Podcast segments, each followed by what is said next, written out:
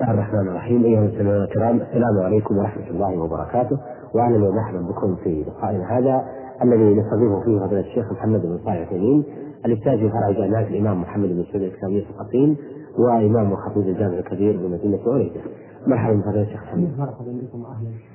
آه شيخ محمد في بداية لقائنا هذا نود أن نعرف ما المقصود بزكاة آه اللغة والشرع وما العلاقة بين المقصود الحمد لله رب العالمين والصلاة والسلام على نبينا محمد وعلى آله وأصحابه أجمعين. الزكاة باللغة الزيادة والنماء فكل شيء زاد. عددا أو نما حجما فإنه يقال زكاة فيقال زكاة الزرع إذا نما وطال. وأما في الشرع فهي قدر واجب شرعا في أموال مخصوصة لطائفة مخصوصة. والعلاقة بين المعنى اللغوي والمعنى الشرعي أن الزكاة أن الزكاة وإن كان ظاهرها النقص. نقص كمية المال لكن آثارها زيادة المال. زيادة المال بركة. وزيادة المال كمية فإن الإنسان قد يفتح الله له من أبواب الرزق ما لا يخطر على باله إذا قام بما أوجب الله عليه في ماله. قال الله تعالى وما آتيتم من ربا ليربو في أموال الناس فلا أرجو عند الله وما آتيتم من زكاة تريدون وجه الله فأولئك هم المضعفون. وقال تعالى وما أنفقتم من شيء فهو يخلفه وهو خير الرازقين يخلفه أن يأتي بخلفه وبدله وقال النبي صلى الله عليه وسلم ما نقصت صدقة من مال. وهذا أمر مشاهد فإن الموفقين لأداء ما يجب عليهم في أموالهم يجدون بركة فيما ينفقونه وبركة فيما يبقى عندهم وربما يفتح الله لهم أبواب رزق يشاهدونها رأي العين بسبب إنفاقهم أموالهم في سبيل الله. لا ولهذا كانت الزكاة في الشرع ملاقية للزكاة في اللغة من حيث النماء والزيادة. ثم إن في الزكاة أيضا زيادة أخرى وهي زيادة زيادة الإيمان في قلب صاحبها. فإن الزكاة من الأعمال الصالحة والأعمال الصالحة تزيد في في إيمان الرجل لأن مذهب أهل السنة والجماعة أن الأعمال الصالحة من الإيمان. وأن الإيمان يزداد بزيادتها وينقص بنقصها. وهي أيضا تزيد الإنسان في خلقه فإنها بذل وعطاء والبذل والعطاء يدل على الكرم والسخاء. والكرم والسخاء لا شك أنه خلق فاضل كريم بل إن له آثارا بالغة في شرح القلب في شرح الصدر ونور القلب وراحة القلب. ومن أراد أن يطلع على ذلك فليجرب فليجرب الإنفاق. يجد الآثار الحميدة التي تحصل له بهذا الإنفاق. ولا سيما فيما إذا كان الإنسان واجبا مؤكدا كالزكاة فإن الزكاة أحد أركان الإسلام ومبانيه العظام وهي التي تأتي كثيرا مقرونة بالصلاة التي هي عمود الإسلام. نعم. وهي في الحقيقة محك تبين كون الإنسان محبا لما عند الله عز وجل لأن المال محبوب إلى النفوس وبذل المحبوب لا يمكن أن يكون إلا في إلا من أجل محبوب يؤمن به الإنسان وبحصوله ويكون هذا المحبوب أيضا أحب مما بذله. ومصالح الزكاة وزيادة الإيمان بها وزيادة الأعمال وغير ذلك وغير ذلك أمر معلوم يحصل بالتأمل منه بالتأمل فيه أكثر مما ذكرنا الآن. نعم. نعم. أثابكم آه الله ذكرتم آه تعريف الزكاة أو مفهوم الزكاة اللغوي والشرعي والعلاقة بينهما. آه ثم تحدثتم أيضا عن الآثار التي تنعكس على الفرد. لكن أيضا ما دل على الآثار التي تنعكس على الفرد فبودنا أن نعرف الآثار التي تنعكس على المجتمع آه، وعلى الاقتصاد أيضا الإسلامي آثار الزكاة على المجتمع وعلى الاقتصاد الإسلامي ظاهرة أيضا فإن فيها من مواساة الفقراء والقيام بالمصالح العامة. ما هو معلوم ظاهر من مصارف هذه الزكاة؟ فإن الله سبحانه وتعالى قال في مصارف هذه الزكاة إنما الصدقات للفقراء والمساكين والعاملين عليها والمؤلفة قلوبهم وفي الرقاب والغارمين وفي سبيل الله وفي السبيل نعم. وهؤلاء الأصناف ثمانية منهم من يأخذها لدفع حاجته ومنهم من يأخذها لحاجة المسلمين إليه فالفقراء والمساكين والغارمون لأنفسهم هؤلاء يأخذون لحاجتهم وكذلك ابن السبيل والرقاب ومنهم من يأخذ لحاجة الناس إليه كالغارم لإصلاح ذات البين والعاملين عليها والمجاهدين في سبيل الله. فإذا عرفنا أن توزيع الزكاة على هذه الأصناف يحصل بها دفع الحاجة الخاصة لمن يعطيها ويحصل بها دفع الحاجة العامة للمسلمين عرفنا مدى نفعها للمجتمع. نعم. وفي الاقتصاد تتوزع الثروات بين الأغنياء والفقراء حيث يؤخذ من أموال الأغنياء هذا القدر ليدفع في ليصرف إلى الفقراء ففيه توزيع للثروة حتى لا يحدث تضخم من جانب والبؤس والفقر من جانب آخر وفيها أيضا من صلاح المجتمع ائتلاف القلوب.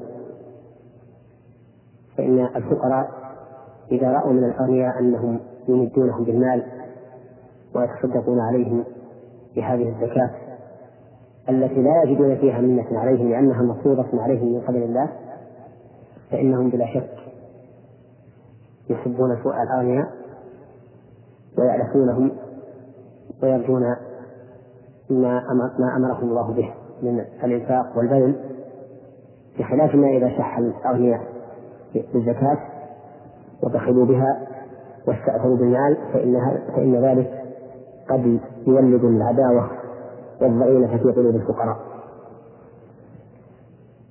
ويشير إلى هذا ختم الآية الكريمة التي فيها بيان مصارف الزكاة بقوله تعالى فريضة من الله والله عليم حكيم.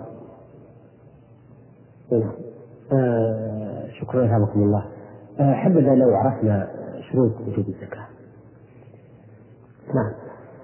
شروط وجود الزكاة الإسلام والحرية وملك النصاب واستقراره ومضي الحول إلا في المعشرات فأما الإسلام فإن الكافر لا تجب عليه الزكاة ولا تقبل منه لو دفعها باسم الزكاة. لقول الله تعالى وما منعهم أن تقبل منهم نفقاتهم إلا أنهم كفروا بالله وبرسوله ولا يأتون الصلاة إلا وهم كسالى إلى آخره ولكن ليس معنى قولنا إنها لا تجب على الكافر ولا تصح منه ولا تقبل منه أنه معفى عنها في الآخرة. لا بل إنه يعاقب عليها. لقوله تعالى كل نفس بما كسبت رهينة إلا أصحاب اليمين في جنات يتساءلون عن المجرمين ما سلككم في سقر قالوا لم نكن من المصلين ولم نكن نطعم المسكين وكنا نخوض مع الخائرين وكنا نكذب بيوم الدين حتى أتانا اليقين. وهذا يدل على أن الكفار يعذبون على إخلالهم بفروع الإسلام. وهو كذلك. وأما الحرية فلأن المملوك لا مال له إذ أن ماله لسيده. وقول النبي صلى الله عليه وسلم من باع عبدا له مال فماله لبائعه إلا أن يشتريه المبتاع فهو إذا غير مالك المال حتى تجب عليه الزكاة. وإذا قدر أنه أي العبد مملك بالتمليك فإن ملكه في النهاية يعود إلى سيده لأن سيده له أن يأخذ ما بيده. وعلى هذا ففي ففي ملكه نقص ليس مستقرا استقرار أملاك الأحرار. وأما ملك النصاب فمعناه أن يكون عند الإنسان مال يبلغ النصاب الذي قدره الشرع وهو يختلف باختلاف الأموال. فإذا لم يكن عند عند الإنسان نصاب فإنه لا زكاة عليه لأن ماله قليل لا يحتمل المواساة والنصاب يختلف باختلاف الأموال ففي المواشي الأنصبة فيها مقدرة ابتداء وانتهاء وفي غيرها أنصبة مقدرة فيها ابتداء وما زاد فبالحساب وأما مضي الحول فلأن إيجاب الزكاة في أقل من الحول يستلزم الإجحاف بالأغنياء. وإيجابها فيما فوق الحول يستلزم الضرر في حق الفقراء. فكان من حكمة الشرع يقدر لها زمن معين تجب فيه وهو الحول. وفي ربط ذلك بالحول توازن بين حق الأغنياء وحق أهل الزكاة. وعلى هذا فلو مات الإنسان مثلا أو تلف المال قبل تمام الحول سقطت الزكاة. إلا أنه يستثنى من تمام الحول يستثنى ثلاثة أشياء ثلاثة أشياء. ربح التجارة ونفاذ السائمة والمعشرات. أما ربح التجارة فإن فإن حوله حول أصله. نعم. وأما نتاج السائمة فحول النتاج حول أمهات وأما المعشرات فحولها تحصيلها. أو وقت تحصيلها. مثال ذلك في الربح. أن يشتري الإنسان سلعة بعشرة آلاف ريال. ثم قبل تمام حول الزكاة بشهر تزيد هذه السلعة أو تربح نصف الثمن الذي اشتراه به. الذي اشتراها به فيجب عليه زكاة رأس المال وزكاة الربح وإن لم يتم للربح حول لأنه فرع والفرع يسوى الأصل وأما المثال فمثل أن يكون عند الإنسان من البهائم نصاب. ثم في أثناء الحول يتوالد هذا النصاب حتى يبلغ النصابين فيجب عليه الزكاة للنصاب الذي حصل بالنتاج وإن لم يتم عليه الحول لأن النتاج فرع فيتبع الأصل وأما المؤشرات فحولها حين أخذها مثل الحبوب والثمار. فإن الثمار في النخل مثلا لا يتم عليه الحول حتى يجد فتجب الزكاة عند جده. وكذلك الزرع يزرع ويحسب قبل أن يتم عليه الحول فتجب الزكاة عند حصاده. لقول الله تعالى وآتوا حقه يوم حصاده. فهذه الأشياء الثلاثة تستثنى من قولنا إنه اشترط لوجود الزكاة تمام الحول. نعم. شكرا لكم الله. آه شيخ محمد في لقاء الماضي سألناكم عن شروط وجوب الزكاة وعددتم منها أن يكون المالك آه، مالك المال حرا. وتحدثتم عن مال المملوك أن المملوك لا يؤدي أو لا يجب عليه آه، الزكاة لأن المال مال مالك. لكن هل يعفى المال من التزكية أم يدفع المالك من المال؟ الحمد لله رب العالمين وأصلي وأسلم على نبينا محمد وعلى آله وأصحابه أجمعين. زكاة المال الذي عند المملوك على مالكه لأنه هو مالك المال كما أسلفنا من قول الرسول عليه الصلاة والسلام من باع عبدا له مال فماله للذي باعه إلا أن يشتته النساء. وعلى هذا فتكون الزكاة على مالك المال وليس على المملوك منها شيء. ولا يمكن أن تفقد الزكاة عن هذا المال. نعم نعم. أيضا نود ان نعرف ما هي الأموال التي تجب فيها الزكاة ومقدار الزكاة في كل نوع منها. نعم. الأموال التي تجب فيها الزكاة هي اولا الذهب والفضة. والزكاة فيهما واجبة بالإجماع من حيث الجملة لقوله تعالى والذين يكنزون الذهب والفضة ولا ينفقونها في سبيل الله فبشرهم بعذاب أليم يوم يحمى عليها في نار جهنم فتقوى بها جباههم وجنوبهم وظهورهم هذا ما كنتم لأنفسكم فذوقوا ما كنتم تكنزون وكنز الذهب والفضة؟ هو أن لا يخرج الإنسان ما أوجب الله عليه فيه من زكاة أو غيرها. وإن كان ظاهرا على سطح الأرض. وإذا أخذ الإنسان ما يجب لله فيه من من الزكاة وغيرها فهو غير كنز وإن دخل في الأرض. ولقول النبي صلى الله عليه وسلم فيما رواه مسلم من حديث أبي هريرة ما من صاحب ذهب ولا فضة لا يؤدي منها حقها. إلا إذا كان يوم القيامة فتحت له صفائح من النار وأحمي عليها في نار جهنم فيلقى بها جنبه وجبينه ورهره كلما درجت أعيدت في يوم كان مقداره خمسين ألف سنة حتى يقضى بين العباد ثم يرى سبيله إما إلى الجنة وإما إلى النار. والزكاة في الذهب والفضة واجبة. على أي حال كان سواء كانت دراهم في الفضة ودنانير في الذهب أو كانت تبرا أي قطعة من الذهب أو كانت قطعة من الفضة أو كانت حليا يستعمل أو لا يستعمل لعموم الأدلة واردة في ذلك. ولقول النبي صلى الله عليه وسلم في خصوص الحلي حين أتت امرأة معها ابنة لها وفي يد ابنتها مسكتان غليظتان من ذهب فقال لها رسول الله صلى الله عليه وسلم أتؤدين زكاة هذا؟ قالت لا. قال أيسرك أن يصورك الله بهما سوارين من نار. فخلعتهما وألقتهما إلى النبي صلى الله عليه وسلم وقالت هما لله ورسوله.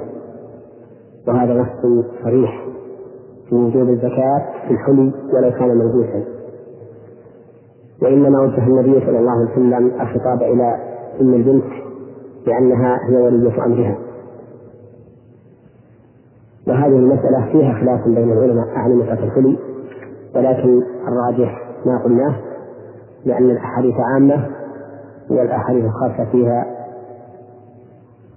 جيدة بل صححها بعضهم.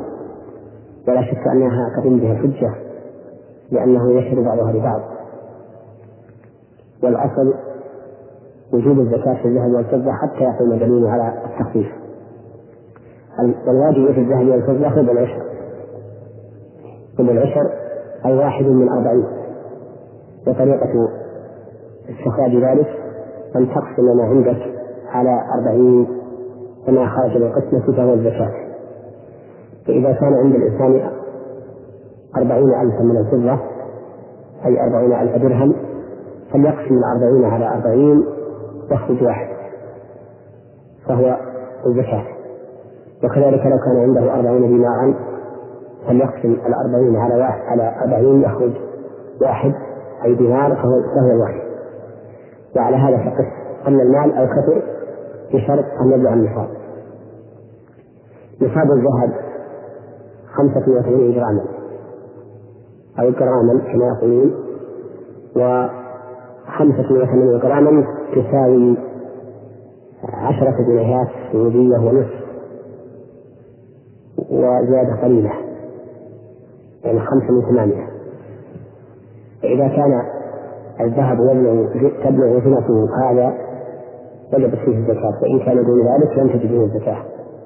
أما الفضة فنصابها 140 مثقالا وتساوي بالدراهم دراهم الفضة السعودية ستة وخمسين ريال أي ما يزن ستة وخمسين ريالا من الفضة السعودية. أو من ريال الفضة السعودية. فإذا بلغ عند الإنسان من الفضة ما يزن ذلك فقد وجبت فيه الزكاة. وما دون هذا لا زكاة فيه. وليعلم أن القول الراجح من أقوال أهل العلم أن الذهب لا يضم إلى الفضة في تكوين النصاب لأنهما جنسان مختلفان. وهما وإن اتفقا في المنفعة والغرض فإن ذلك لا يقتضي ضم أحدهما إلى الآخر في تكوين النصاب لأن الشارع قدر لكل واحد منهما نصابا معينا يقتضي أن لا تجب الزكاة فيما دونه ولم يأتي عن النبي صلى الله عليه وسلم يغني أحدهما أحدهما إلى الآخر. وكما أن البر لا يغني إلى الشعير في تكوين النصاب مع أن مقصودهما واحد وكذلك الذهب والفضة. وبناء على ذلك لو كان عند الإنسان نصف نصاب من الذهب ونصف نصاب من الفضة لم تجب عليه الزكاة في واحد منهما. لما ذكرنا من أنه لا يضم الذهب إلى الفضة في تكميل النصاب. ويلحق بالذهب والفضة ما جعل بدلا ما جعل بدلا بدلا عنهما. في كونه نقدا يتعامل به. كالأوراق النقدية المعروفة بين الناس اليوم. فإذا كان عند الإنسان من هذه الأوراق ما تساوي قيمته نصابا من الذهب أو الفضة فإن الزكاة تجب عليه فيها. لأنها نقود وليست عروض تجارة إذ أنها هي قيم الأشياء التي تقدم بها وهي وسيلة التبادل بين الناس. فكانت كالدنانير والدراهم وليست كعروض التجارة كما زعمه بعضهم. وليعلم أن الزكاة بالذهب والفضة واجبة وإن كان الإنسان قد ادخرها قد ادخرهما لنفقاته وحاجاته. فإذا كان عند الإنسان عشرة آلاف درهم أعدها لشراء سكن لشراء بيت يسكنه فإن الزكاة واجبة فيها ولو بقيت سنوات وكذلك لو كان قد أعدها ليتزوج بها فإن الزكاة واجبة فيها ولو بقيت سنة أو أكثر. المهم أن الزكاة واجبة في عين الذهب والفضة فتجب فيها فيهما بكل حال. وما يظنه بعض الناس من أن الدراهم إذا أعدت للنفقة أو لحاجة الزواج ونحوه لا زكاة فيها فإنه ظن خاطئ. خاطئ لا لا لا له لا في الكتاب ولا في السنة ولا في أقوال أهل العلم وهذا بخلاف عروض التجارة وهذا بخلاف العروض فإن العروض هي التي يشترط فيها نية التجارة. أما الذهب والفضة فالزكاة في أعيانهما فتجب فيهما بكل حال. نعم. هذا أحد الأموال التي تجب نية الزكاة وهو الذهب والفضة. الثاني الخارج من الأرض. من الحبوب والثمار لقول الله تعالى يا أيها الذين آمنوا أنفقوا من طيبات ما كسبتم ومما أخرجنا لكم من الأرض. ولقول النبي صلى الله عليه وسلم صلى الله عليه وسلم فيما سقط السماء العشر وفيما سقط النضح نصف العشر. ولقول النبي صلى الله عليه وسلم ليس فيما دون خمسة أوسط صدقة. فتجب الزكاة في الخارج من الأرض من الحبوب والثمار من الحبوب كالبر والذرة والرز وغيرها. من الثمار كالنخل والأعناب التي تزبد ويحصل منها الزبيب. وأما الأعناب التي لا تزبد ففيها خلاف بين العلماء. فمنهم من قال إنه لا زكاة فيها لأنها ملحقة بالفواكه فهي كالبرتقال والتفاح ومنهم من قال إنها تجب فيها الزكاة اعتبارا بأصل العنب لأن أصل العنب أن يزبد فهو شبيه بثمار النخيل أي شبيه بالتمر. والاحتياط أن يخرج الإنسان الزكاة منه. وأما ما ليس بحدود ولا ثمار يكال ويدخر مثل الفواكه على اختلاف أنواعها والخضروات على اختلاف أنواعها فإنه لا زكاة فيها ولو كثرت. ومثال الزكاة في الحبوب والثمار العشر أي عشرة في المئة. إذا كانت تسقى بلا مؤونة كالذي يشهد بعروقه لكون الأرض رطبة أو الذي يشرب بالطيب أو الذي يشرب بالأنهار أو الذي يشرب بالقنوات. التي تورد في الأرض ثم ينبع منها الماء. فهذا كله يجب فيه العشر لأنه لا مؤونة في استخراج الماء الذي يسقى به. وأما إذا كان يسقى بمؤونة كالذي يسقى بالصواني أو بالمكاين أو بالغرافات وما أشبهها فإنها فإن الواجب فيه نصف العشر. فأبقى الشارع عنه نصف العشر مراعاة لحاله. ونصف العشر خمسة في المئة. فإذا قدرنا أن هذه المزرعة أنتجت خمسة آلاف صاع كان الواجب فيها إذا كانت إذا كان الزرع يسقى إلى مؤونة خمسمائة صاع وإذا كان يسقى بمؤونة كان الواجب مئتين وخمسين صاع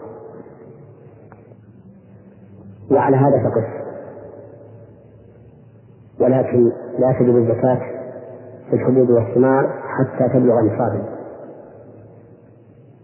والنصاب خمسة أوسق والوسط ستون صاعا بصاع النبي صلى الله عليه وسلم فيكون مجموع الآصع ثلاثمائة صاع بصاع النبي صلى الله عليه وسلم فما دون ذلك فلا زكاة فيه. نعم. لقول النبي صلى الله عليه وسلم ليس فيما دون خمسة أوسط صدقة. هذان مالان مما تجب فيهما الزكاة. لكن آه، شيخ محمد بالنسبة للثمار آه، التي وذكرتم أنها لا تجب فيها الزكاة لكن آه، بالنسبة لقيمها نعم من ذهب أو فضة الثمار تجب فيها الزكاة لكن لعلك تريد الخضروات وشبهها هذه لا زكاة فيها. ولكن الإنسان إذا باعها فإن في ثمنها الزكاة إن بقي عليه إن بقي حتى تم عليه الحول وكان من من النقدين الذهب والفضة أو ما جرى مجراهما. نعم. أما لو باعها بعروض مثل أن باعها بسيارات أو بأطمشة أو بأواني فإنه لا زكاة فيها أيضا ما لم ينوي التجارة بما جعله بدلا فإن نوى التجارة صار صارت الزكاة واجبة وجوب زكاة العروض التي سنتكلم عنها إن شاء الله تعالى الفصل. شكرا لك الله.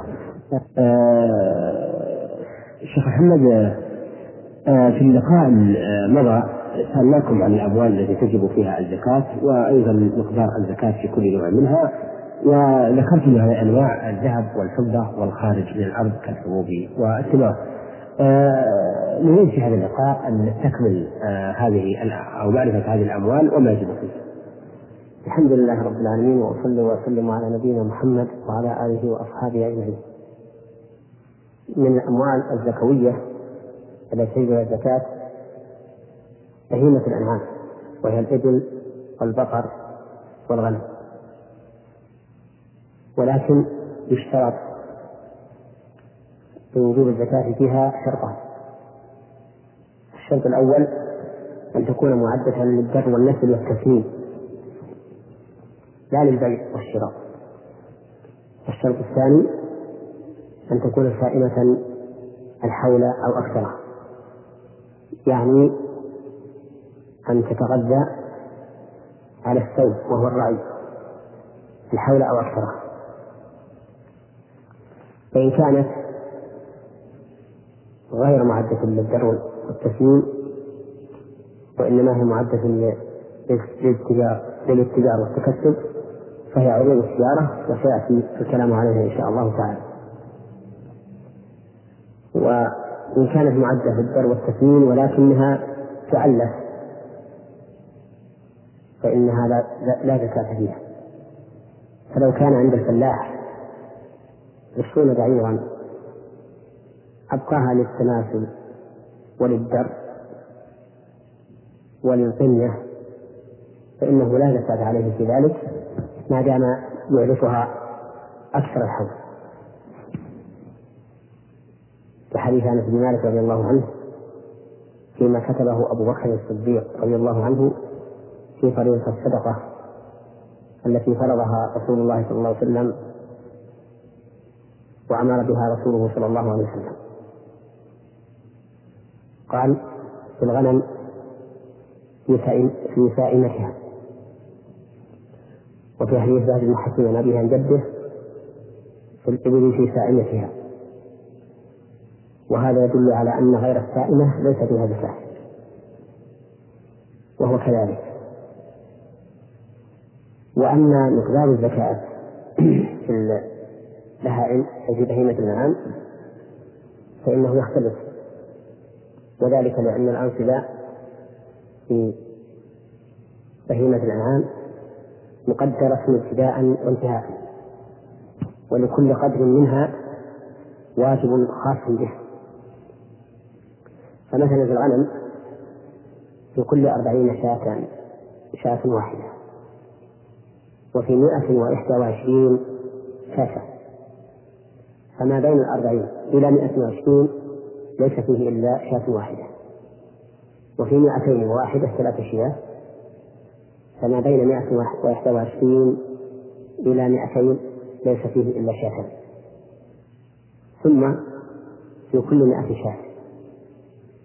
ففي مائتين وواحدة ثلاث شياه وفي ثلاثمائة وواحدة ثلاث شياه وفي أربعمائة أربع شياه. وهذا مجرة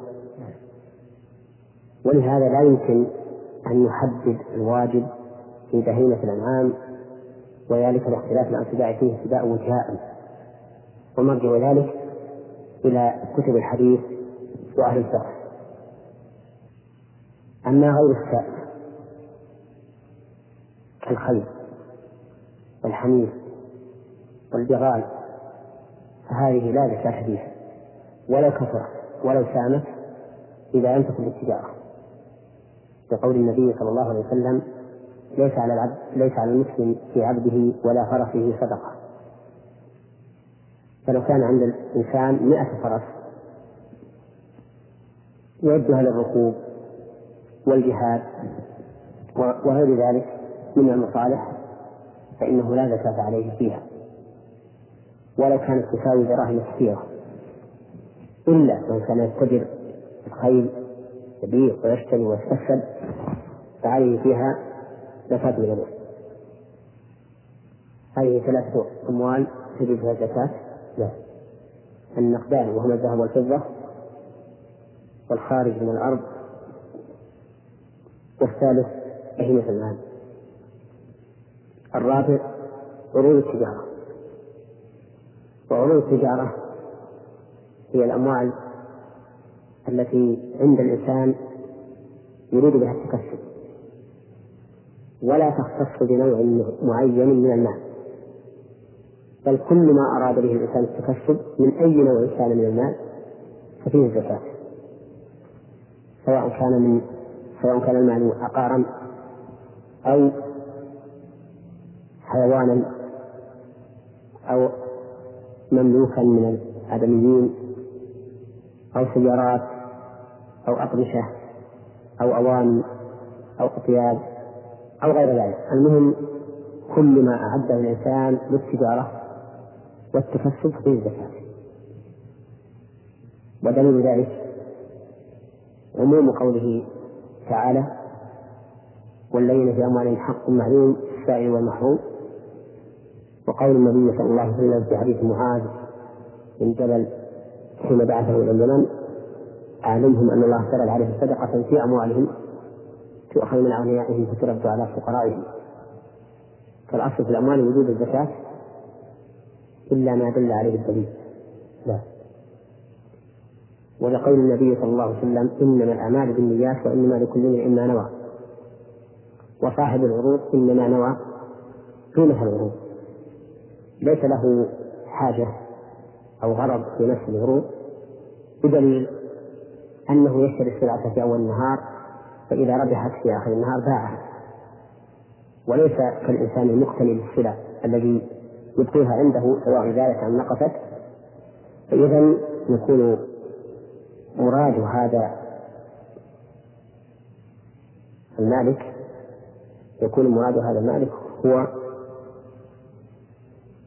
القيمة وهي الذهب والفضة أو ما جرى مجراهما. وقد قال النبي صلى الله عليه وسلم إنما الأعمال بالنيات وإنما لكل امرئ ما نوى. ولأننا لو قلنا بعدم وجود الزكاة في العروض لا سقطت الزكاة عن كثير من أموال التجار. لأن غالب أموال التجار التي يتجرون بها إنما هي عروض التجارة. هذه أربعة أنواع من الأموال تجب فيها الزكاة. واختلف العلماء في العسل هل تجب فيه الزكاة أو لا تجب؟ فمنهم من قال إنها لا تجب الزكاة ومنهم من قال إنها تجب واستدلوا بأثر عمر بن الخطاب رضي الله عنه. والمسألة عندي محل توقف والعلم عند الله. وبناء على ذلك فإنه لا زكاة على الإنسان فيما يقتنيه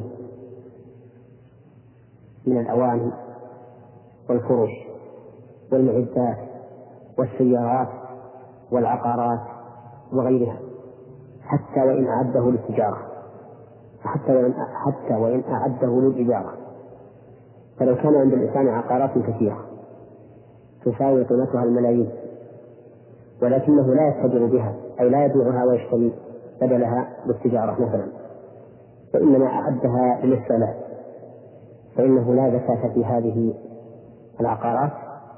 ولو كثرت وإنما الزكاة فيما يحصل منها من أجرة أو نماء فتجب الزكاة في أجرتها إذا تم عليه الحول من من العقد. فإن لم يتم عليه الحول فلا زكاة فيها لأن هذه الأشياء ما عدا الأصناف الأربعة السابقة الأصل فيها براءة الذمة حتى يقوم دليل على الوجوب. بل قد دل الدليل على أن الزكاة لا تجب فيه في قول النبي صلى الله عليه وسلم ليس على المؤمن في عبده ولا فرسه صدقة. فإنه يدل على أن ما اختصه الإنسان لنفسه من الأموال غير الزكوية ليس فيه صدقة أي ليس فيه زكاة. والأموال التي أعدها الإنسان للاستقلال من العقارات وغيرها لا شك أن الإنسان قد أرادها لنفسه ولم يجهل لغيره لأنه لا يبيعها بل يستقيها للاستغلال والنماء آه، لكن بالنسبة لهذه الأراضي التي قد اشتراها أصحابها وكسبت في أيديهم نظرا لقلة قيمها آه، هم يقدرونها تقديرات عالية والسوق لا تساوي فيه إلا شيء قليل. فكيف تزكى هذه الأراضي؟ الأراضي التي اشتراها أهلها للتجارة كما هو الغالب لا. ينتظرون بها الزيادة. هذه عروض تجارة. وعروض التجارة تقوم عند حول الزكاة بما تساوي ثم يؤخذ ربع العشر منها. لأن العبرة بقيمتها وقيمتها من الذهب والفضة والذهب والفضة زكاتهما ربع العشر. ولا فرق بين أن تكون قيمة هذه الأراضي تساوي قيمة ما فيه أو لا. فإذا قدرنا أن رجلا اشترى أرضا بمئة ألف وكانت عند الحول تساوي مئتي ألف فإنه يجب عليه أن يزكي عن المئتين جميعا. وإذا كان الأمر بالعكس اشتراها بمئة ألف وكانت عند تمام الحول تساوي خمسين فقط. خمسين ألفا فإنه لا يجب عليه أن يزكي إلا خمسين ألفا. لأن يعني العبرة بقيمتها عند وجود الزكاة. فإن شك الإنسان لا يدري هل هل تزيد قيمتها عما اشتراها به أو تنقص أو هي هي.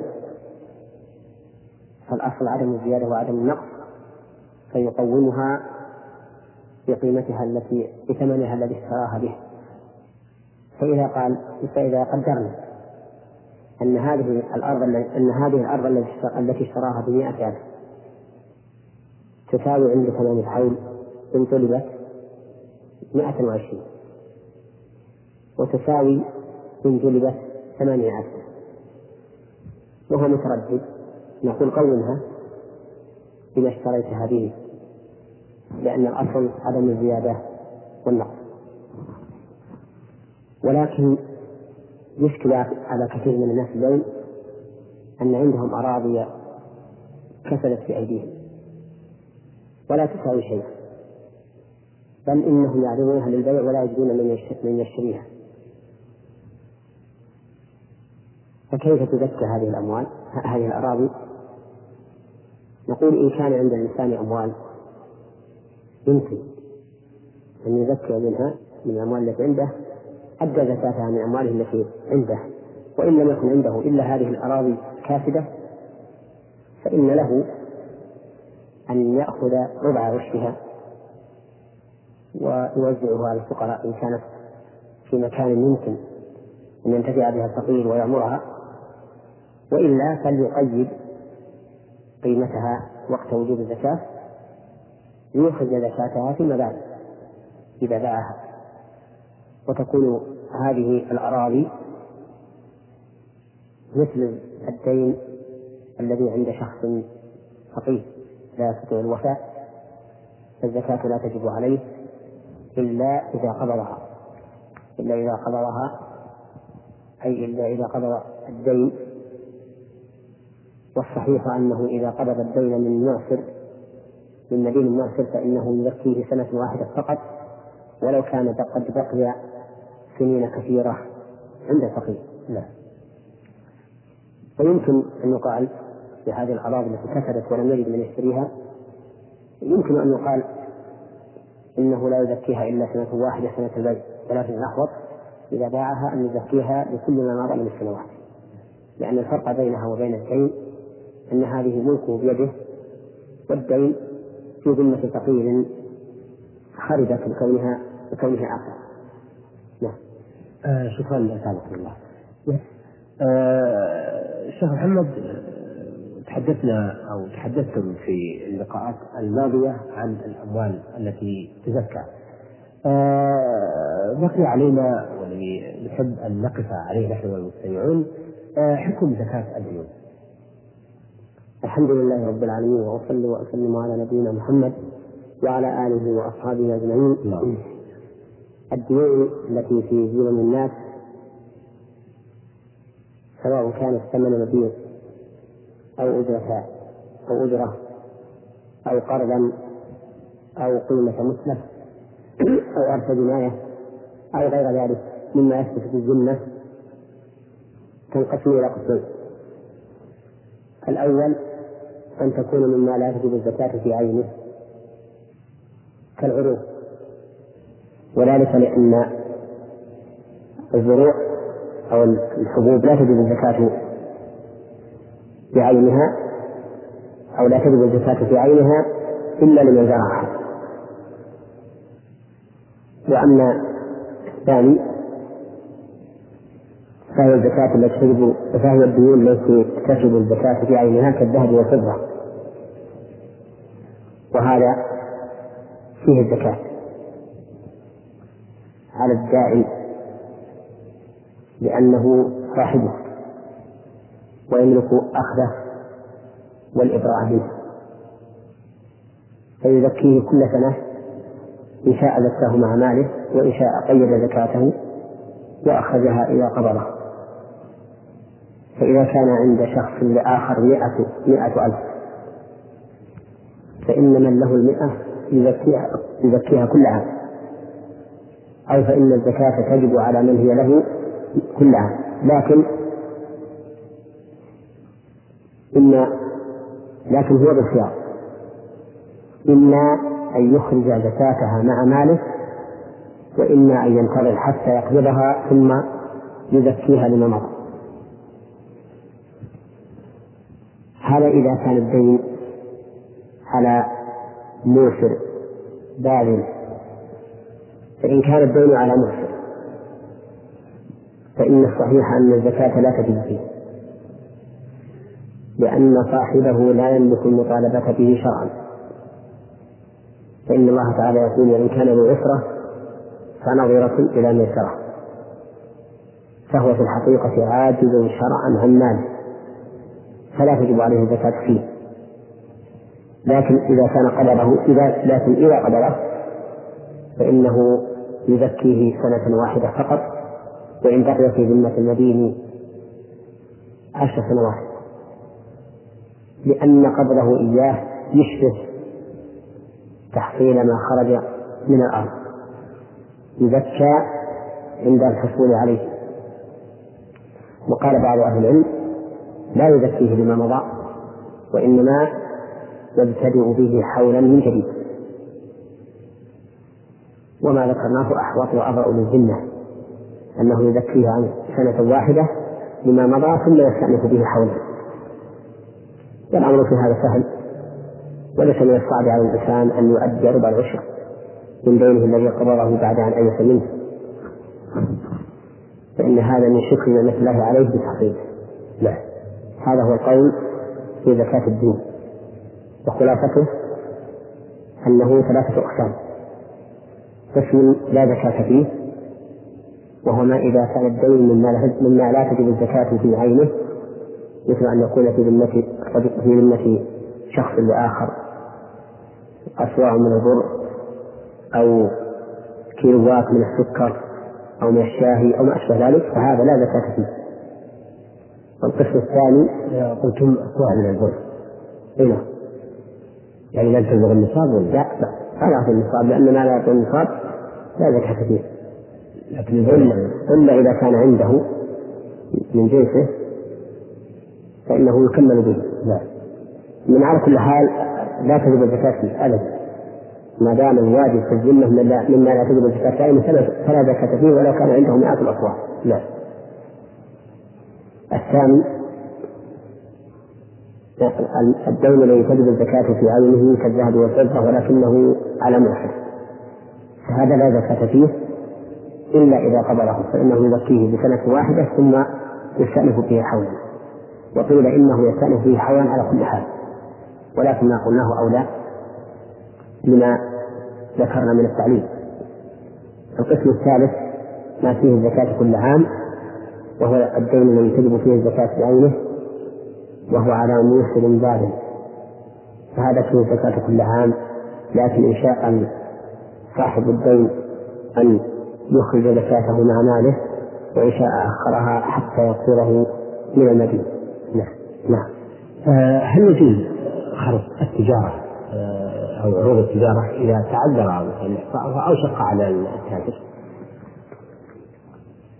لا يجوز خرجها لأن الخرج إنما ورد في الثمار وألحق به بعض العلماء الظروف.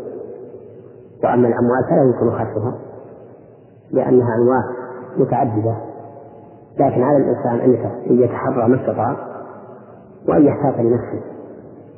فإذا قدر أن البضاعة هذه تبلغ مئة ويحتمل أن تكون مئة وعشرين فليخرج عن مئة وعشرين إبراء لذمته نعم نعم. آه، هل يجوز أو هل تجب الزكاة في مال غير المكلف كالصغير والمسؤول؟ نعم. هذا فيه خلاف بين العلماء. منهم من قال إن الزكاة في مال الصغير والمجنون غير واجبة نظرا إلى تغليظ التكليف بها ومعلوم أن الصغير والمجنون ليس من أهل التكليف. فلا تجب الزكاة في مالهما. ومنهم من قال بل الزكاة واجبة في مالهما وهو الصحيح. نظرا لأن الزكاة من حقوق المال. لا ينظر فيها إلى المالك لقوله لقوله تعالى خذ من أموالهم صدقة تطهرهم. خذ من أموالهم. فجعل مناط الحكم أو موضع الوجود المال. ولقول النبي صلى الله عليه وسلم لمعاذ بن جبل حين بعثه إلى اليمن أعلمهم أن الله فرض عليهم صدقة في أموالهم. تؤخذ من أغنيائهم فترد على فقرائهم. وعلى هذا فتجب الزكاة في مال الصبي والمجنون ويتولى إخراجها والدهما نعم. آه أيضا آه هذا بالنسبة لغير المكلف. آه لكن نود أن نعرف آه المصارف التي يمكن أن تصرف فيها الزكاة. المصارف التي يجب وهو يمكن التي يجب نعم يجب الزكاة. ثمانية نعم. بينها الله تعالى بيانا شافيا كافيا. وأخبر عز وجل أن ذلك فريضة. وأنه مبني على العلم والحكمة. فقال جل ذكره إنما الصدقات للفقراء والمساكين والعاملين عليها والمؤلفة قلوبهم وفي الرقاب والغارمين وفي سبيل الله وابن السبيل. قال الله تعالى فريضة من الله والله عليم حكيم. فهؤلاء أصناف الزكاة فهؤلاء أصناف أهل الزكاة الذين تتبع إليه ثمانية. الفقراء والمساكين. وهؤلاء يؤتون من الزكاة لدفع ضرورتهم وحاجتهم والفرق بين الفقراء والمساكين أن الفقراء أشد حاجة. لا يجد الواحد منهم ما يكفيه وعائلته لنصف سنة. والمساكين أعلى حالا من الفقراء لأنهم يجدون نصف الكفاية فأكثر دون كمال الكفاية. هؤلاء يعطون لحاجتهم. هؤلاء يعطون لحاجة ولكن كيف نقدر الحاجة؟ قال العلماء يعطون لحاجتهم ما يكفيهم وعائلتهم لمدة سنة. ويحتمل أن يعطون ما يكون به أغنياء. لكن الذين قدروا ذلك بسنة قالوا لأن السنة إذا دارت وجبت الزكاة في الأموال. فكما أن الحول هو تأثير الزمن الذي تجب فيه الزكاة فكذلك ينبغي أن يكون الحول وتقديم الزمن الذي تتبع به حاجة الفقراء والمساكين الذين هم أهل الزكاة. وهذا قول حسن جيد أي أننا نعطي الفقير والمسكين ما يكفيه وعائلته لمدة عام كامل. لا. سواء أعطيناه أعيانا من أطعمة وألبسة أو أعطيناه نقودا يشتري بها هو ما يناسبه أو أعطيناه صنعة إذا كان يحسن الصنعة يعني آلة يصنع بها إذا كان يحسن الصنعة كخياط ونجار وحجار ونحوه. المهم أن نعطيه ما يكفيه وعائلته لمدة سنة. الثالث العاملون عليها. أي الذين لهم ولاية عليها من قبل ولي الأمر. ولهذا قال العاملون عليها ولم يقل العاملون فيها. إشارة إلى أن لهم نوع ولاية وهم سباتها الذين يجبونها من أهلها وقسامها الذين يقسمونها في أهلها وكتابها ونحوهم فهؤلاء عاملون عليها يعطون من الزكاة. ولكن كم يعطون؟ ننظر هم عاملون عليها فهم مستحقون بوصف العمالة. ومن استحق بوصف أعطي بقدر ذلك الوصف. وعليه فيعطون من الزكاة بقدر عمالتهم فيها سواء كانوا أغنياء أم فقراء. لأنهم يأخذون الزكاة لعملهم لا لحاجتهم. وعلى هذا فيعطون ما يقتضيه العمل من الزكاة. فإن قدر أن العاملين عليها فقراء فإنهم يعطون العمالة ويعطون بالفقر فيعطون ما يكفيهم لمدة سنة لفقرهم. نعم. آه شكرا. حفظك الله شيخ محمد آه في لقاءاتنا الماضية سألنا عن آه، مصارف الزكاة. يجب أن تصرف لهم الزكاة ذكرتم منها الفقراء والمساكين والعاملين عليها وقلتم في نهاية اللقاء أن العاملين عليها يأخذون إذا كانوا فقراء يأخذون ما يكفيهم لمدة سنة لكن هذا بالنسبة لفقرهم هل يأخذون أيضا لعمالتهم عليها؟ الحمد لله رب العالمين وصلى وسلم على نبينا محمد وعلى آله وأصحابه أجمعين قد يبدو للإنسان أنهم يأخذون لعمالتهم أيضا لأنهم استحقوا الصدقة أو الزكاة في وصفين العمالة عليها والفقر. فيعطون بكل وصف ولكن إذا أعطيناهم العمالة أعطيناهم للعمالة. فيبقى فيبقون أغنياء بقدر ما أخذوا من العمالة. فنكمل لهم المؤونة لمدة سنة. مثال ذلك إذا قدرنا أنه يكفيهم لمدة السنة عشرة آلاف ريال. وأننا إذا أعطيناهم نفقهم أخذوا عشرة آلاف ريال. وأن نصيبهم من العمالة ألف ريال. فعلى هذا نعطيهم ألف ريال ونعطيهم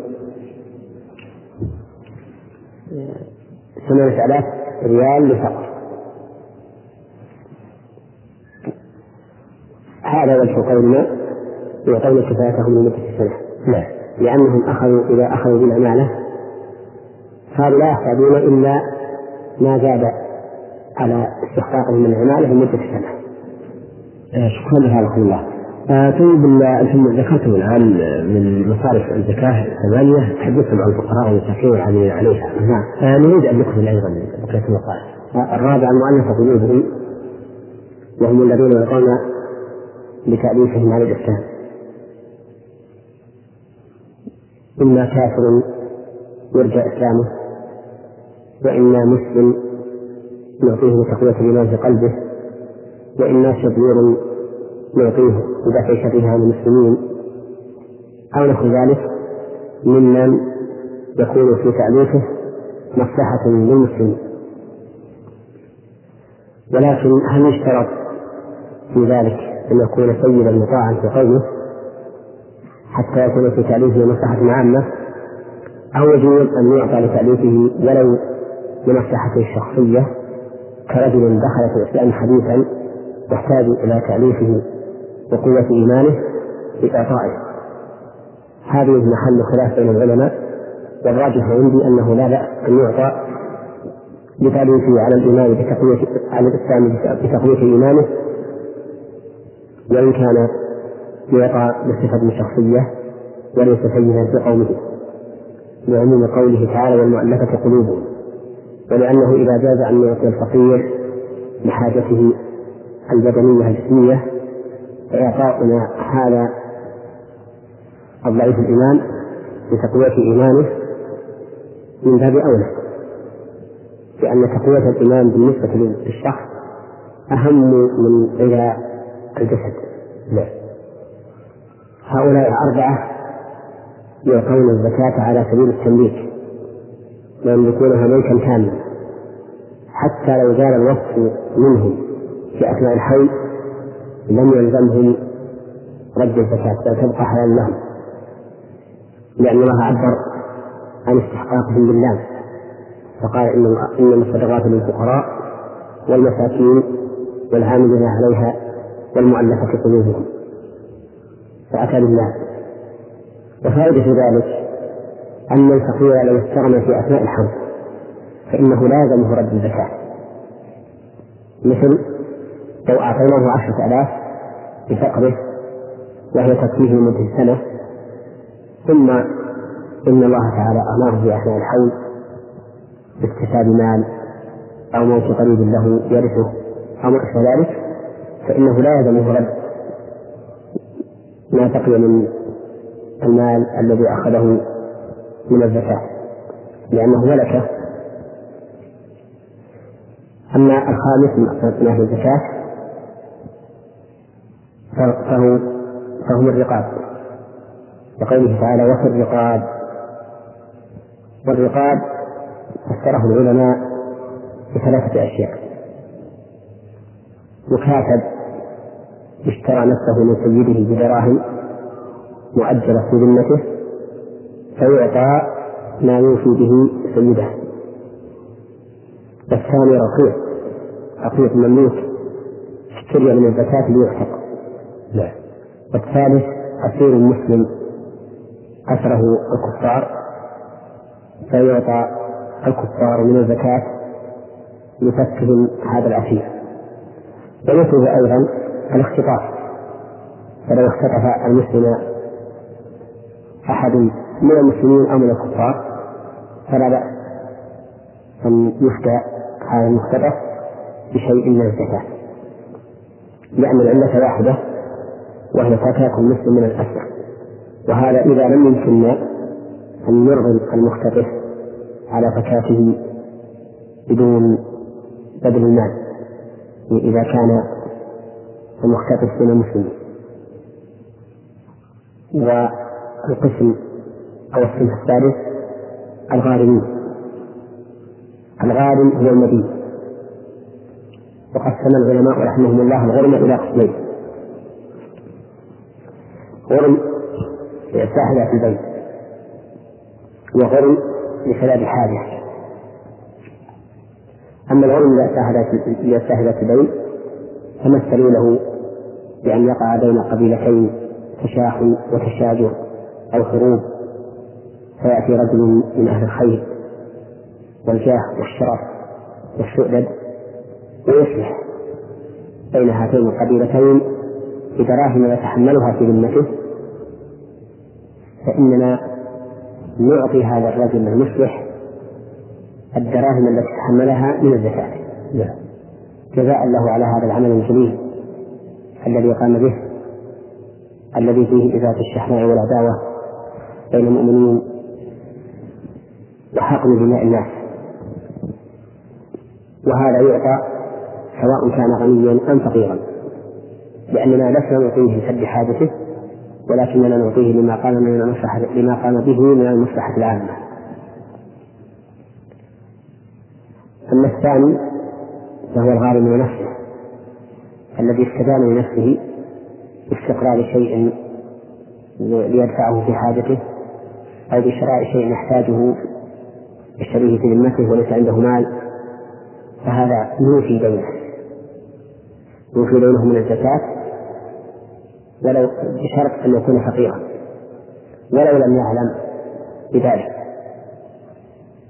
وعليه فهل الأفضل أن يعطي هذا النبي من الزكاة ليوفي دينه أو أن نذهب نحن إلى دائمه ونوفي ونوفي عنه؟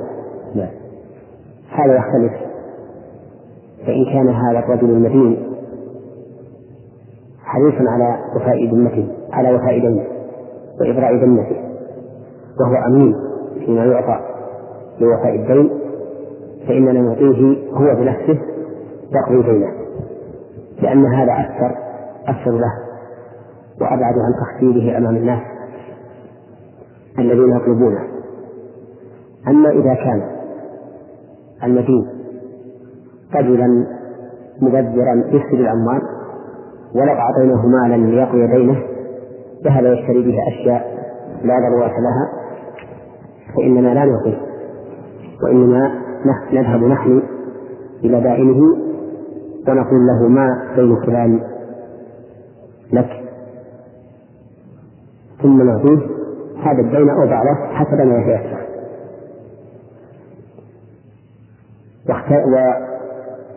وهل يقضى منها أي من الزكاة دين على ميت لم يخل التركة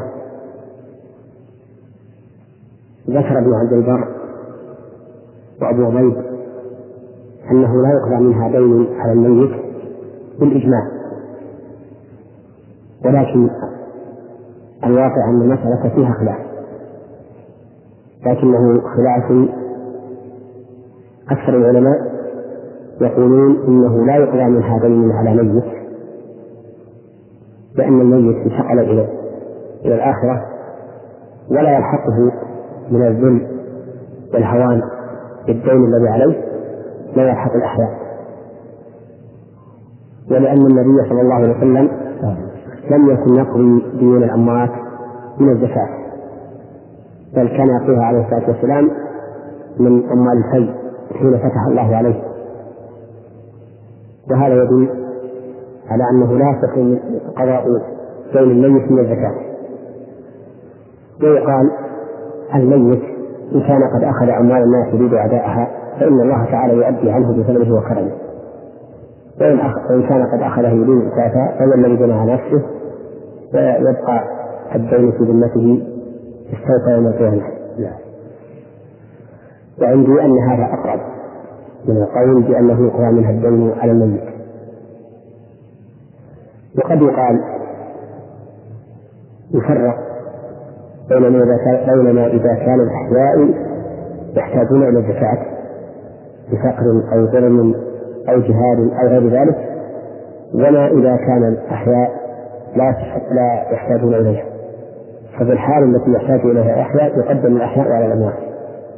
وفي الحال التي لا يحتاج إليها الأحياء لا حرج أن نقضي ديون الأموات الذين ماتوا ولم يخلصوا مالا. ولعل هذا قولي يكون وسطا بين القولين. نعم. نعم. ثم الصنف السابق في سبيل الله. وسبيل الله هنا المراد بها الجهاد في سبيل الله. لا ريب ولا يصح أن يراد بها جميع سبل الخير.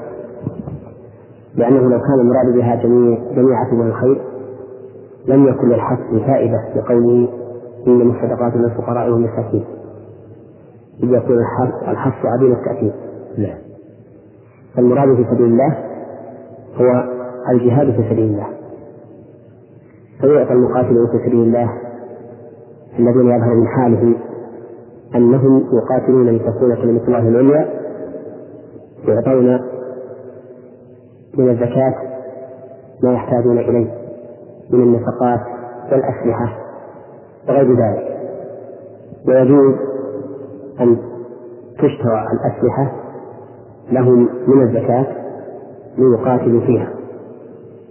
ولكن لا بد أن يكون القتال في سبيل الله. والقتال في سبيل الله بينه الرسول صلى الله عليه وسلم بميزان عدل القسط حين سئل عن الرجل يقاتل حمية ويقاتل شجاعة ويقاتل لوراء مكانه. أي ذلك في سبيل الله؟ قال من قاتل لتكون كلمة الله العليا فهو في سبيل الله. الرجل المقاتل حمية لوطنه أو قوميته أو غير ذلك من أنواع الحميات ليس يقاتل في سبيل الله. فلا يستحق ما يستحقه المقاتل في سبيل الله. لا من الأمور المادية الدنيوية ولا من أمور الآخرة. والرجل الذي يقاتل شجاعة أي أنه يحب القتال لكونه شجاعا والمكتسب بصفة غالبا يحب أن يقوم بها على أي حال كانت هو أيضا ليس يقاتل في سبيل الله. والمقاتل ليرى مكانه يقاتل رياء وسمعة ليس من المقاتلين في سبيل الله. وكل من لا يقاتل في سبيل الله فإنه لا يستحق من الزكاة لأن الله تعالى يقول وفي سبيل الله والذي يقاتل في سبيل الله هو الذي يقاتل لتكون كلمة الله العليا قال أهل العلم يوم سبيل الله؟ الرجل يتفرغ لطلب العلم الشرعي فيعطى من الزكاة ما يحتاج إليه من نفقة من كسوة وطعام وشراب ومسكن وكتب العلم يحتاجها لأن العلم الشرعي نوع من الجهاد في سبيل الله. بل قال الإمام أحمد رحمه الله العلم لا يعدله شيء لمن صحت نيته فالعلم هو أصل الشرع كله ولا شرع إلا بعلم. والله سبحانه وتعالى أنزل الكتاب ليقول الناس بالقسط ويتعلموا أحكام شريعته وما يلزم من عقيدة وقول وفعل. أما الجهاد في سبيل الله فنعم هو من من أشرف الأعمال بل هي ذروة سنن الجهاد بل هو بل ذروة سنن الإسلام. ولا شك في فضله لكن العلم له شأن كبير في في الإسلام.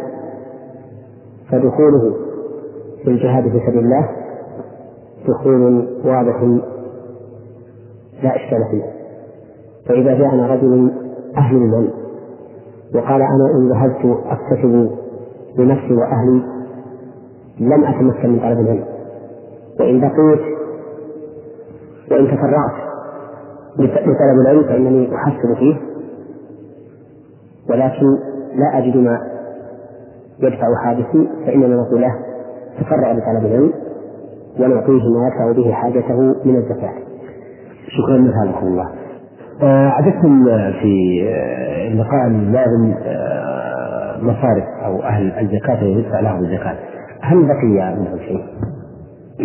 نعم الحمد لله رب العالمين وصلى وسلم على نبينا محمد وعلى آله وأصحابه أجمعين. نعم بقي من أصناف أهل الزكاة صنف واحد وهو ابن السبيل وابن السبيل هو المسافر الذي انقطع به السفر ونفدت نفقته فإنه يعطى من الزكاة ما يوصله إلى بلده. وإن كان في بلده غنيا لأنه محتاج. ولا نقول له في هذه الحال يلزمك أن تستقبل وتوفي لأننا في هذه الحال يلزمه أن يلزم ذمته دينا ولكن لو اختار هو أن يستقبل ولا يأكل من الزكاة. فالأمر إليه فإذا وجدنا شخصا مسافرا من مكة إلى المدينة وفي السفر ضاعت نفقته ولم يكن معه شيء وهو غني في المدينة فإننا نعطيه ما يصله إلى المدينة فقط لأن هذه هي حاجته ولا نعطيه أكثر أكثر. وإذا كنا قد عرفنا أصناف أهل الزكاة الذين تدفع إليهم فإن ما سوى ذلك من المصالح العامة أو الخاصة لا تدفع فيه الزكاة. وعلى هذا فلا تدفع الزكاة في بناء المساجد ولا في إصلاح الطرق ولا في بناء المكاتب وشبه ذلك. لأن لأن الله عز وجل لما ذكر أصناف أهل الزكاة قال فريضة من الله. يعني أن هذا التقسيم جاء فريضة من الله عز وجل والله عليم حكيم. ثم نقول هل هؤلاء المستحقون يجب أن يعطى كل واحد كل واحد منها أي كل شيء لأن الواو تقتضي الجمع. فالجواب أن ذلك لا يجب لقول لقول النبي صلى الله عليه وسلم لمعاذ بن جبل حين بعثه إلى اليمن أعلمهم أن الله فرض عليهم صدقة في أموالهم تؤخذ من أغنيائهم فترد على فقرائهم. فلم يذكر النبي صلى الله عليه وسلم إلا صنفا واحدا. وهذا يدل على أن الآية يبين الله تعالى فيها جهة الاستحقاق ولا يوجب وليس المراد أنه يجب أن تعمم هذه الأصناف. ولكن إذا قيل أيها أولى أن يصرف فيه الزكاة قلنا إن إن الأولى ما كان في الحاجة إليه أشد. لأن كل هؤلاء استحقوا بيت فمن كان أشد إلحاحا وحاجة فهو أولى. والغالب أن الأشد هم الفقراء والمساكين. ولهذا بدأ الله تعالى بهم فقال إنما الصدقات للفقراء والمساكين. نعم. نعم. ما حكم جعل الزكاة في الأقارب آه، المحتاجين؟ نعم. الزكاة في الأقارب الذين هم من أهلها أولى من الزكاة أولى من أن تكون في غير الأقارب. لأن الصدقة على الأقارب صدقة وصلة فإذا كان أخوك أو عمك أو أبوك أو أمك من أهل الزكاة فهم أولى بها من غيرهم. لكن إذا كانوا يأخذون الزكاة لحاجتهم وأنت تجب عليك نفقتهم فإنه لا يجوز أن تعطيهم من الزكاة في هذه الحال لأنك إذا أعطيتهم من الزكاة رفدت مالك ووقيته بما تعطيه من الزكاة. فإذا قدرنا أن لك أخا فقيرا وأنت عندك زكاة ونفقته تجب عليه فإنه لا لا يجوز أن تعطيه لفقره. لأنك إذا أعطيته لفقره كفت مالك ووقيته بما تعطيه. إذ لو لم تأتي من الزكاة لوجب عليك الإنفاق عليه.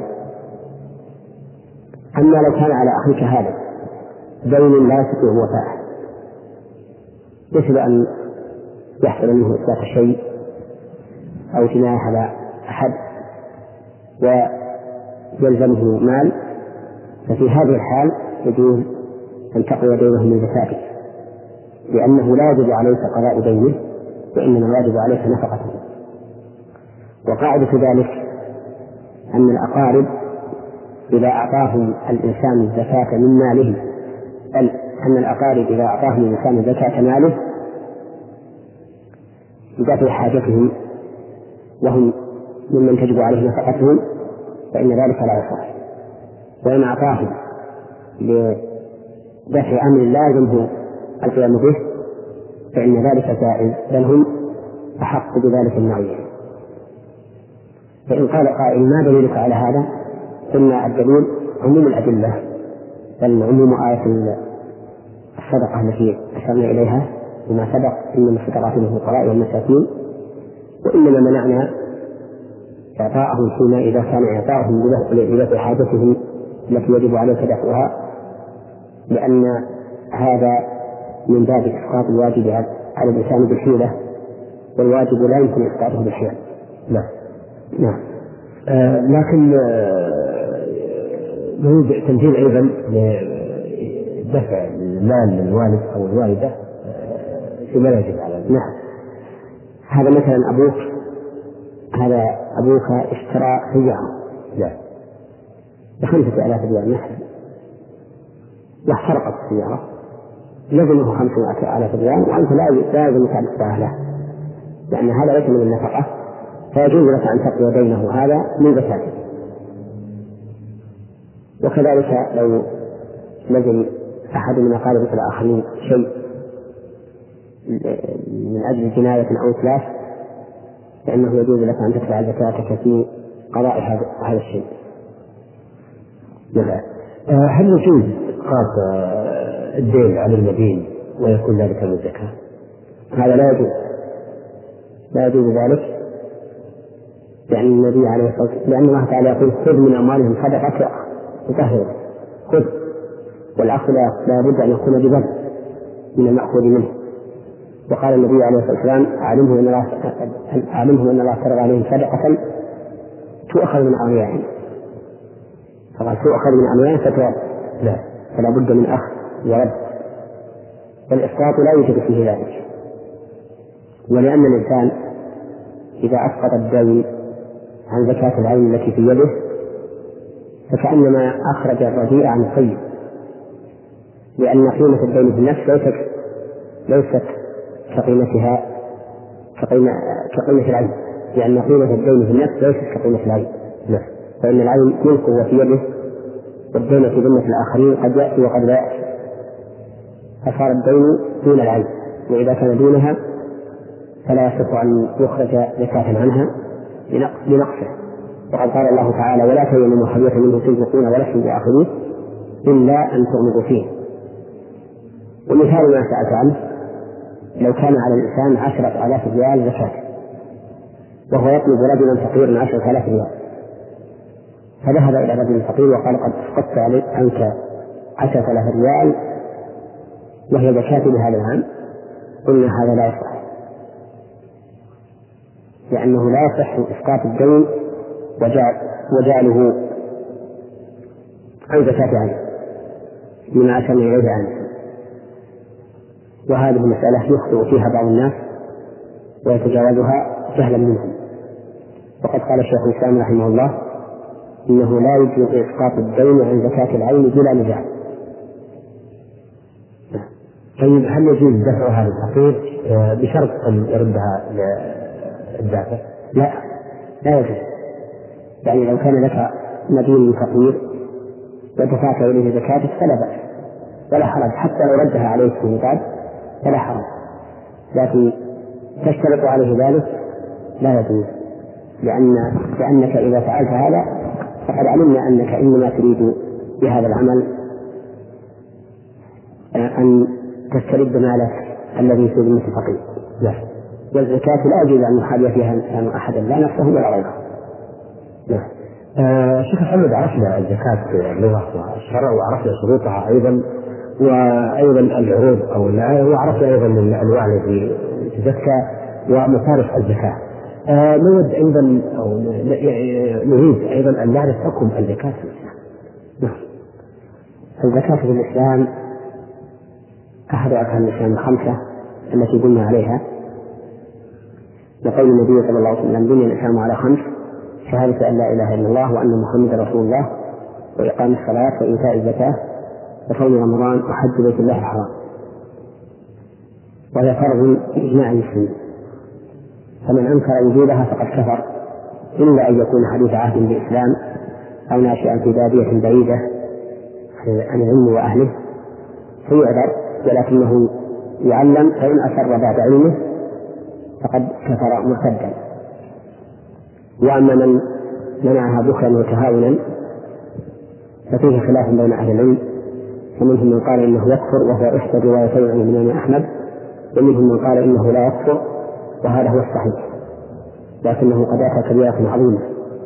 والدليل على أنه لا يكفر حديث أبي هريرة أن النبي صلى الله عليه وسلم ذكر عقوبة مانع زكاة الذهب والفضة ثم قال حتى يغلب من الباب فيرى سبيله إما إلى الجنة وإما إلى النار. وإذا كان يمكن أن يرى سبيلا له إلى الجنة فإنه ليس بكافر لأن الكافر لا يمكن أن يرى سبيلا له إلى الجنة. ولكن على مانعها بخلا وتهاونا من الإثم العظيم ما ذكره الله في قوله ولا يحسبن الذين يبخلون بما آتاهم الله من فضله هو خيرا لهم بل هو شر لهم سيطوقون ما بخلوا به يوم القيامة. ولله ميراث السماوات والأرض والله بما تعملون خبير. وفي قوله والذين يكنزون الذهب والفضة ولا ينفقونها في سبيل الله فبشرهم بعذاب أليم. يوم يحمى عليها في نار جهنم فتكوى بها جباههم وجنوبهم وظهورهم. هذا ما كنزتم لأنفسكم فذوقوا ما كنتم تكنزون. فعلى المسلم أن يشكر الله على نعمته بالمال وأن يؤدي زكاته حتى يزيد الله له في في ماله بركة ونماء. والله يحفظ شكرا لك الله.